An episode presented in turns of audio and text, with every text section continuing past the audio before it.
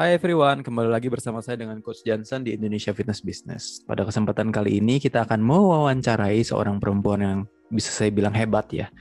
Dan di komunitasnya dia cukup dikenal sebagai orang yang sangat aktif dalam mensosialisasikan gaya hidup sehat.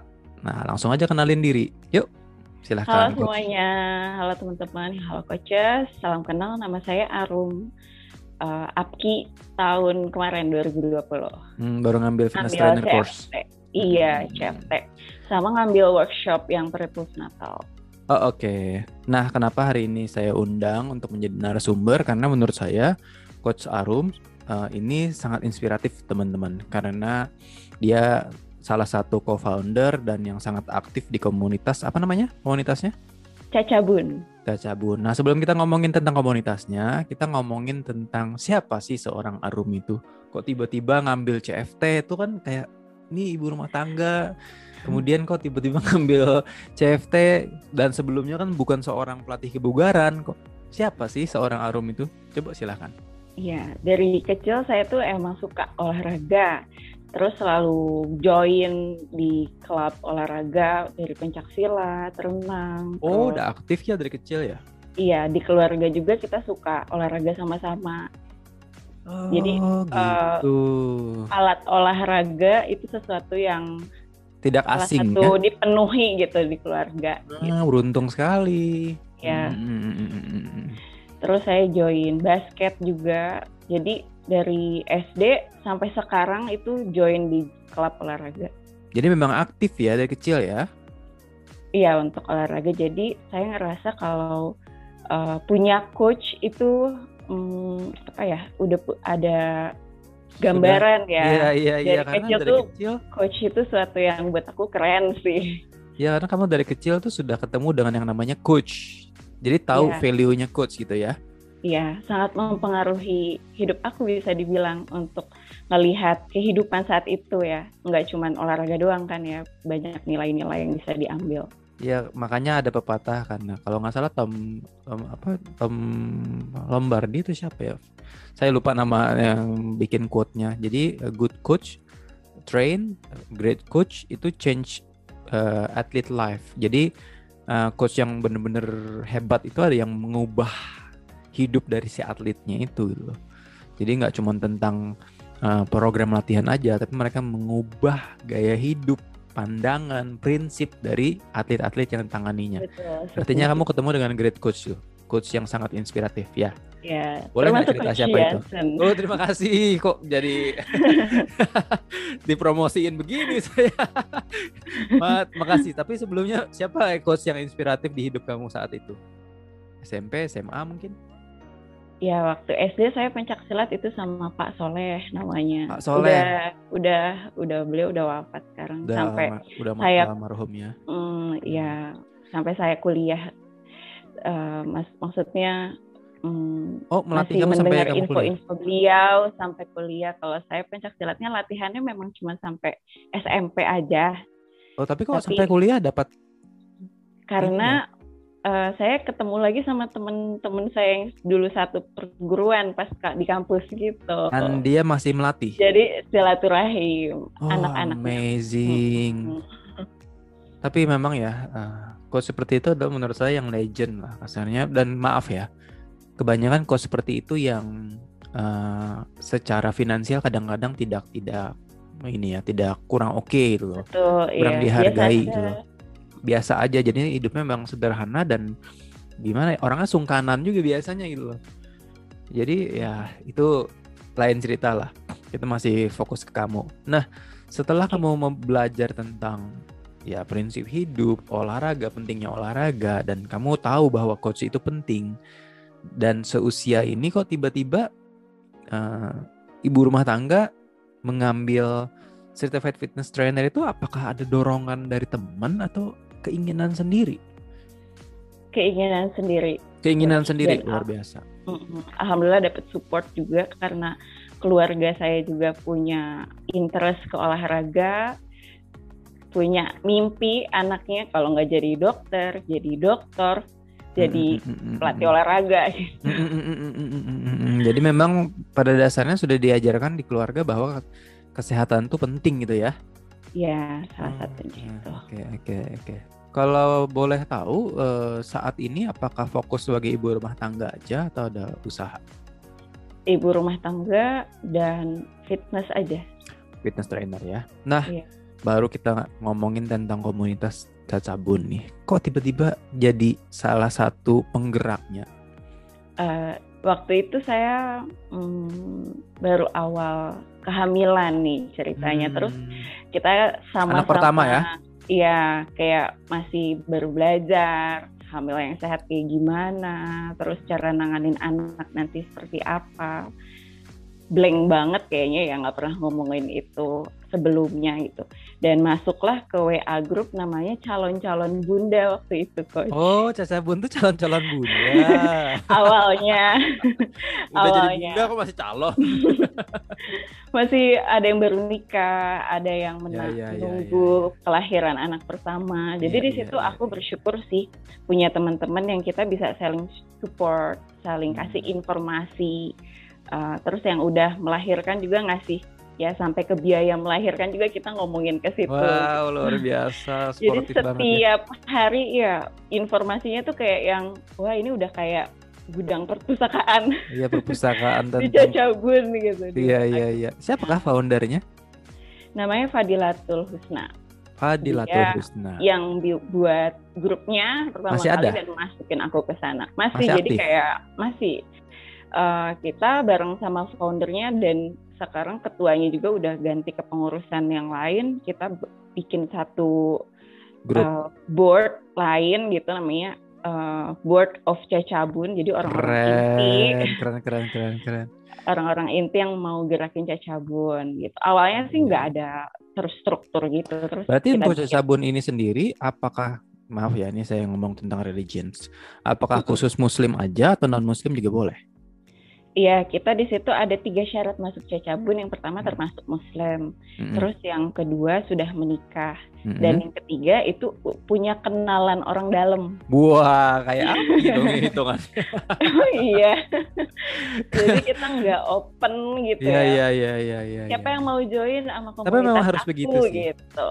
Bahkan eh, saya kan sering juga mendengar tentang video tentang leadership dan lain-lain. Jadi yang membentuk suatu komunitas atau organisasi itu adalah ada sepemahaman, sevisi, Betul. kemudian ada ciri tertentu yang menyerupai.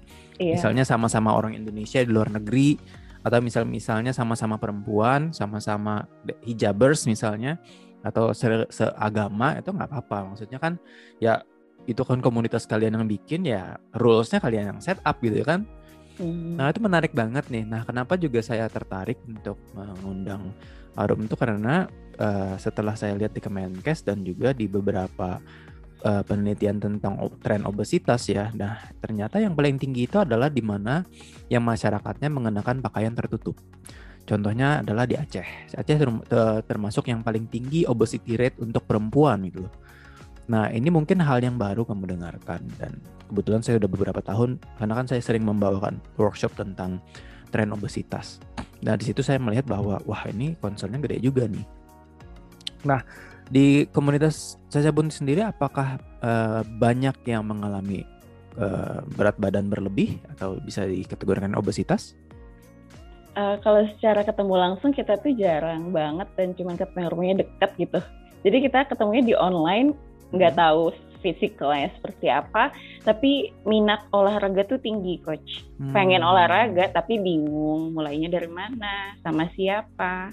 Hmm, jadi Kayak tidak gitu. semuanya obes obes atau punya masalah dengan berat badan ya, cuman nggak tahu harus Nah. olahraga gimana aja ya. Iya betul, lebih banyak yang seperti itu.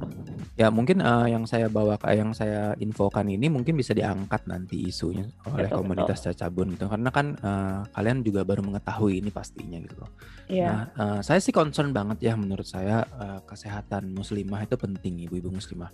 Selain memang mayoritas dan juga memang eh, untuk mereka mau belajar olahraga itu kan kadang-kadang risih atau sungkan belajar dengan yang let's say coach yang menggunakan atau memakai pakaian yang cukup terbuka gitu loh. Karena kan ya kembali lagi sesuai dengan dengan keyakinan masing-masing gitu loh. Pernah nggak dibahas hal seperti ini? lebih ke arah bingung mau olahraga di mana sih coach memang karena eh, mereka lebih ingin uh, yang tertutup, nah itu tempatnya dia. juga dan takut difoto tiba-tiba lebih ke arah situ sih coach. Takut difoto tiba-tiba terus diupload saat itu dia tidak menggunakan hijab tertutup gitu. Iya. Jadi benar, kelihatan benar, nama benar, orang di media benar, sosial. Benar, benar, benar. Jadi kadang-kadang yang terjadi itu adalah tanpa izin masuk di let's say kelas aerobik atau kelas apa pun mm -hmm. itu ya tiba-tiba ke upload dan dia sedang tidak menggunakan hijab gitu ya. Iya.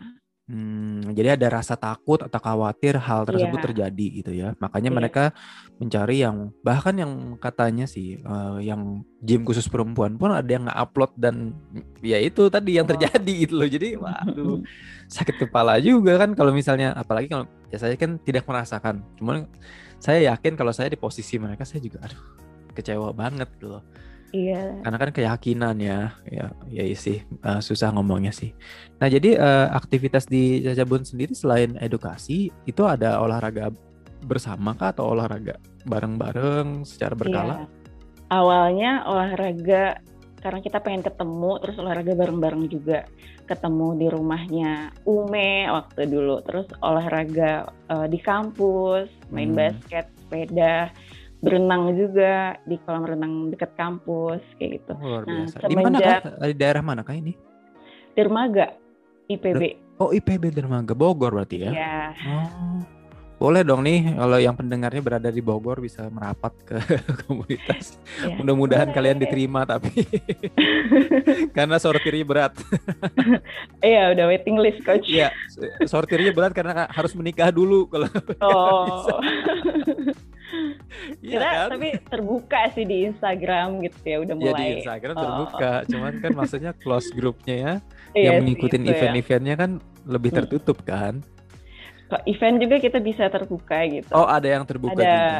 Iya kayak edukasi kita terbuka gitu. Oke bagus bagus. Nah uh, artinya selama ini kalian sudah banyak melakukan kolaborasi dengan pihak lain dong ya. Boleh tahu nggak kira-kira ya, seperti apa aja? Kebetulan uh, saya di Caca Buntu juga bagian public relation. Oh, ah, ya, jadi, jadi yang ketemu orang komunitas. Iya, hmm. komunitas di Bogor kayak Pelita, Ruby, terus uh, Aimi, hmm, rumah hmm, sakit hmm. juga kita udah mulai bangun kerjasama dengan Umi, oh, rumah sakit Umi, terus Azra gitu, sama dia dokter yang kita kenal gitu uh, puskesmas itu juga paling penting sih karena kita edukasi ke masyarakat lewat puskesmas tapi kan ini kan maksudnya tuh komunitasnya sangat kecil, hanya di Bogor lah kasarnya. Iya, Kuatnya iya. tuh hanya di area Dermaga atau Bogor aja. Let's say ada pendengar sesama muslimah juga di daerah yang lain. Kamu ada nggak pesan buat mereka? Let's say bikin dong kayak Cacabun juga atau gabung sama Cacabun atau gimana? Ada nggak saran? Iya, uh, ada dari berbagai kota. Kita pernah bikin di Depok, hmm. Hmm, bikin juga waktu itu di Pekanbaru. Oh, nice. Ya, Maksudnya jadi, uh, anggota yang di Pekanbaru. Betul. Okay, okay. Ayo bikin meet up, kalian bikin meet up, terus bikin edukasi apa yang bisa teman-teman lakukan. Mau sama-sama kumpul sambil menambah ilmu wawasan hmm, diri sendiri silaturahim juga teman-teman yang lain gitu. Ya saling support ya saling support ya. Luar biasa. Berarti itu uh, kalian mengencourage mereka untuk menciptakan eh, masing-masing punya event kecil lah di daerah daerahnya masing-masing gitu ya. Iya, at least meet up aja dulu gitu hmm. sesama member. Tapi emang agak susah ya dengan keadaan saat ini kan orang lagi event. Iya, kalau orang takut-takut juga gitu. Betul, kalau sekarang online banyaknya. Tapi uh, the beauty of online yang kita rasakan juga di API. Bahkan kamu adalah uh, lulusan kita yang online gitu Dan kalau saya pribadi ya merasakan bahwa online ini blessing in disguise. Karena saya dulu ngomong ah mungkin lah fitness trainer bisa diajarkan secara off, uh, online gitu. Maksudnya yeah. queuingnya apa semuanya itu ternyata hambatan itu semuanya berasal dari kita gitu. Bahkan dengan konsep yang saat ini kita bisa give more. Hmm, hmm bahkan materinya yang sebelum cuma tiga hari tetap muka nggak ada hahehe atau uh, ketemu sebelum pelatihan itu nggak ada gitu. Jadi menurut saya pribadi sih uh, uh, banyak banget yang terbantu dari segi edukasi dengan adanya online ini gitu. Itu sih. Mudah, ya mudah-mudahan di Cacabun tuh merasakan hal yang sama. Maksudnya kan ya mendekatkan yang jauh gitu. Asal jangan menjauhkan yang dekat aja gitu. nah jadi uh, visinya sendiri Sabun ke depannya bagaimana nih? Apakah akan begitu saja atau mungkin ada event tahunan gitu atau gimana? Berharap sih kita bakal terus berkembang ngasih edukasi secara Amin. rutin. Amin. Uh, cuman karena kita semua tahu kondisinya sama-sama ibu rumah tangga yang bisa jadi sekarang hamil anakku berapa, terus yang sekarang yang satu lagi nyusui, ya. Jadi kita saling backup sih. Bisa kita lakuin, kita lakuin, dan ada yang nggak bisa lakuin, kita backup sama yang lain gitu. Masih uh, go with the flow aja. Ya, go with the flow. Yang penting bermanfaat ya. Baik itu kecil maupun Betul, besar, yang, yang penting, penting bermanfaat terus. ya. Itu kuncinya ya, sih. Ya, dan nggak ada. Mm, mm, Kebanyakan gak orang ada tekanan gitu. Betul, betul. Kalau sudah ada tekanan, let's say kayak ya korporasi lah. Korporasi kan ada tekanan yang di mana harus, oh ini omsetnya harus segini dan lain-lain tuh kan yeah. yang membuat suatu visi dan misi bisa berubah haluan gitu kan ya. Dan itu juga sih uh, pesan saya sih, uh, walaupun APKI ini juga bisa dibilang berbentuk komunitas juga uh, sering kali ada yang kayak hmm, bisa dibilang venture kapitalis, pemodal dan lain-lain itu kita tolakin karena uh, visi dan misinya itu takut berubah. Banyak kok oh, pemodal. Okay. Bahkan dia sebutnya dengan angel investor. Kita mau taruh uang aja supaya uh, perkembangannya APKI bisa lebih cepat. Paling kita pernah dapat tawaran ya saat itu paling besar hampir 20 miliar waktu itu. Dia, dia mau masukin ke APKI. Saya bilang, saya pegang uang 20 miliar buat apa ya? ya nggak nggak ini ya maksudnya jangan sampai ya, ini masukan buat jawaban aja. Jangan sampai nanti malah disetir dengan dengan angka gitu lah itu aja sih. Sure. nah um, um, untuk Arum sendiri ke depannya ada target atau, atau setelah kan lulus nih walaupun sempat remedial yang kemarin kan sekarang udah lulus. Ke depannya apakah yeah. apa yang mau dilakukan nih? Uh, aku back to community juga sih sama orang-orang sekitar aku yang mau olahraga aku dahulukan uh, orang sekitar aku teman-teman aku kayak gitu bagus ya bagus, terus bagus. olahraga aja terus olahraga ya. aja bareng-bareng yang penting bermanfaat untuk komunitas kamu gitu ya Iya. Hmm, luar biasa. Nah, by the way, uh, sedikit cerita dong, maksudnya pengalaman belajar di APKI. Maksudnya, apakah ada ada yang bisa diceritakan ke teman-teman sekalian? Kayak, aduh, pusing atau senang atau oh, apa deh? Iya betul. Uh, buat teman-teman yang sekarang ini lagi CFT juga, aku juga merasakannya dulu. Maybe kalau offline kita kita bisa duduk bareng ngopi sambil belajar bareng. Kalau online tuh aku ngerasanya emang kayak sendirian baca buku harus uh, keep up sendiri. Nah, mungkin teman-teman bisa coba chat temennya yang lain buat belajar bareng ya, misalkan ya, kayak gitu. SKSD. Yang, yang, yang seangkatan gitu ya. ya Gak apa-apa. SKSD nanti bareng. bisa kenal baik. Ya, ya, ya, ya. Itulah kenapa tujuannya dibikin yang namanya uh, grup sayangnya di WhatsApp kan cuma 250 ya jadi kita nggak bisa connect yang satu sama yang empat gitu loh cuman ya paling enggak yang empat bisa ketemu sama yang empat gitu loh yang grup iya betul betul jadi ya itulah kendala yang kita hadapi saat ini cuman ya itu tadi kalau kita fokus ke keterbatasan kita nggak bisa melihat kelebihan kan coach jadi maksud saya itu kadang-kadang kita harus mengubah perspektif keterbatasan kita supaya menjadi kelebihan gitu loh. Dan itu sih yang saya pelajari ya karena kan uh, ya sedikit cerita kan memang saya merintis semuanya modal dengkul lah kasarnya. Jadi kalau saya mikir saya nggak hmm. punya ini saya nggak punya itu nggak jadi jadi nih gitu okay. makanya uh, terciptanya Apki itu kadang-kadang ada yang kelewatan gitu loh. Kalau secara bisnis itu kan seharusnya ada A B C D E F G lah kasarnya tapi nggak salah juga kalau kita mulai dari D, E, F, A, B, C-nya ketinggalan gitu kan bisa okay. juga. Cuman tips aja sih buat Arum dan teman-teman di Cacabun nanti. Nah sebagai penutup aja, ada nggak pesan untuk sesama muslimah atau mungkin sesama alumni bebas? Oke, uh, kalau buat sesama muslimah lakukan olahraga ya di rumah juga bisa kok ngelakuin gitu Mm-hmm. Uh, jangan tunggu waktu perfect, soalnya itu nggak ada. Nggak ada ya. Lakuin aja, iya. Terus kalau buat alumni-alumni, um, semoga makin terus bermanfaat buat lingkungan sekitarnya dan kita bisa terus kuat ke depan bersama bersama-sama sebagai komunitas sih. Gitu. Best, very nice, thank you.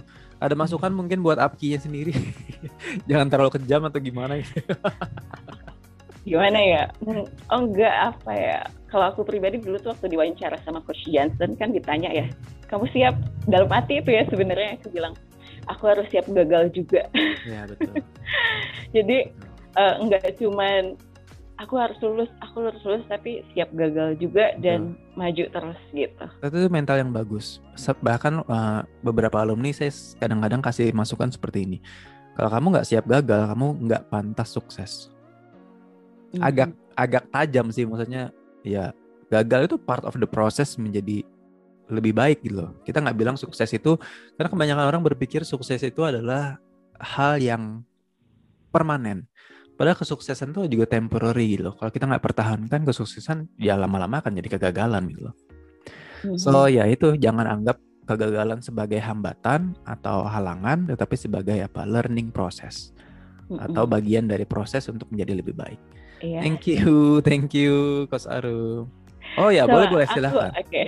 Boleh. Silahkan. Aku sebenarnya um, pengen ya, aku su suka dengar podcast Api, Apki dari yang episode pertama. Wah Terus, iya. aku tuh pengen dengar sebenarnya sejarah Apki, c dari Coach Johnson langsung gitu bareng. Oh iya iya iya iya, boleh boleh boleh boleh. Kayak teruhnya tuh kalau lewat podcast dan langsung Coach Johnson yang cerita tuh dapat banget kayaknya. Iya, betul. Kali. Nanti, nanti akan dibikinkan. Nanti berarti memang kelewatan ya. Oh iya, karena di episode pertama saya ngomongin tentang bikin fitness embassy ya. Oke, oke, oke, oke, oke. PR saya itu. Terima kasih masukannya, Room. And kalau buat saya sih dari penutup ya, saya ingin mengucapkan dan semoga teman-teman pendengar juga mendapatkan manfaat dari obrolan kita hari ini. Nah, penutupnya adalah saya bangga banget ada orang-orang seperti Kos Arum dan teman-teman yang bisa menciptakan suatu komunitas nggak peduli itu kecil atau besar, tapi bisa memberikan manfaat ke masyarakat atau ke orang-orang di sekitarnya. Karena untuk menjadi bermanfaat untuk orang lain tuh memang apa ya itu dorongan dari dalam dan nggak semua orang mampu melakukan hal tersebut atau mau gitu. Jadi ini antara kemauan untuk menolong atau tidak aja sih. Nah saran saya sih eh, ada baiknya kita untuk lebih memilih sebagai orang eh, orang-orang yang bisa bermanfaat untuk masyarakat lah. Itu aja sih pesan dari saya. Thank you, Coach Arum. Semoga kita bisa bertemu lagi di lain kesempatan ya. Thank you banget and sukses untuk komunitas Caca Bun. Calon-calon bunda. Thank you. Sekarang namanya udah ganti coach. Oh oke, okay. apa sekarang nih namanya, namanya sebagai penutup? Uh, uh, sekarang namanya jadi cerita cinta bayi dan bunda. Asik. Oke, okay, berarti oh. saya koreksi dulu nih sebagai penutup teman-teman. Cerita cinta bayi dan bunda. Begitu? Itu Caca Bun ya, benar ya? Iya. Okay. Thank you, thank you, thank you.